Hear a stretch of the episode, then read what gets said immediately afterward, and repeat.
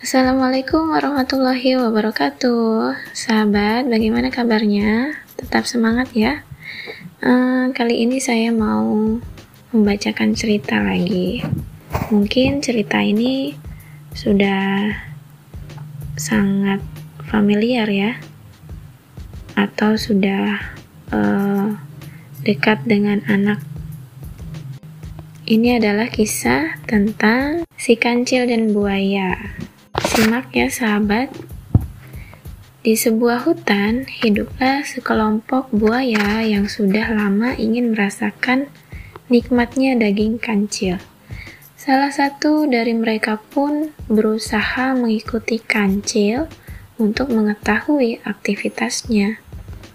Suatu hari, kancil hendak pulang setelah mencari makan. Namun, ia terkejut melihat buaya tiba-tiba muncul menghadangnya saat ia akan menyeberangi sungai. Mengetahui hal itu, ia hendak dijadikan santapan. Ia pun berusaha mencari akal untuk melarikan diri. Panci lalu berkata bahwa ia sebenarnya ingin menyerahkan diri, namun ia ragu apakah dagingnya cukup untuk semua buaya yang ada. Ia lalu meminta semua buaya di sungai untuk berkumpul dan berbaris, agar ia bisa menghitung jumlah mereka. Buaya-buaya itu mengikuti perintah kancil. Mereka pun berbaris dengan rapi, hingga membentuk formasi yang menyerupai jembatan.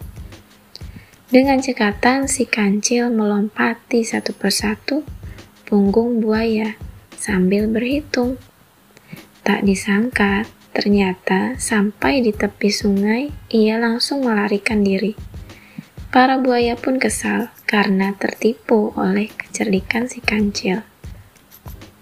Nah, dari cerita uh, pendek ini, kita bisa mengambil ibrohnya bahwasanya uh, kecerdikan akan dapat mengalahkan kekuatan.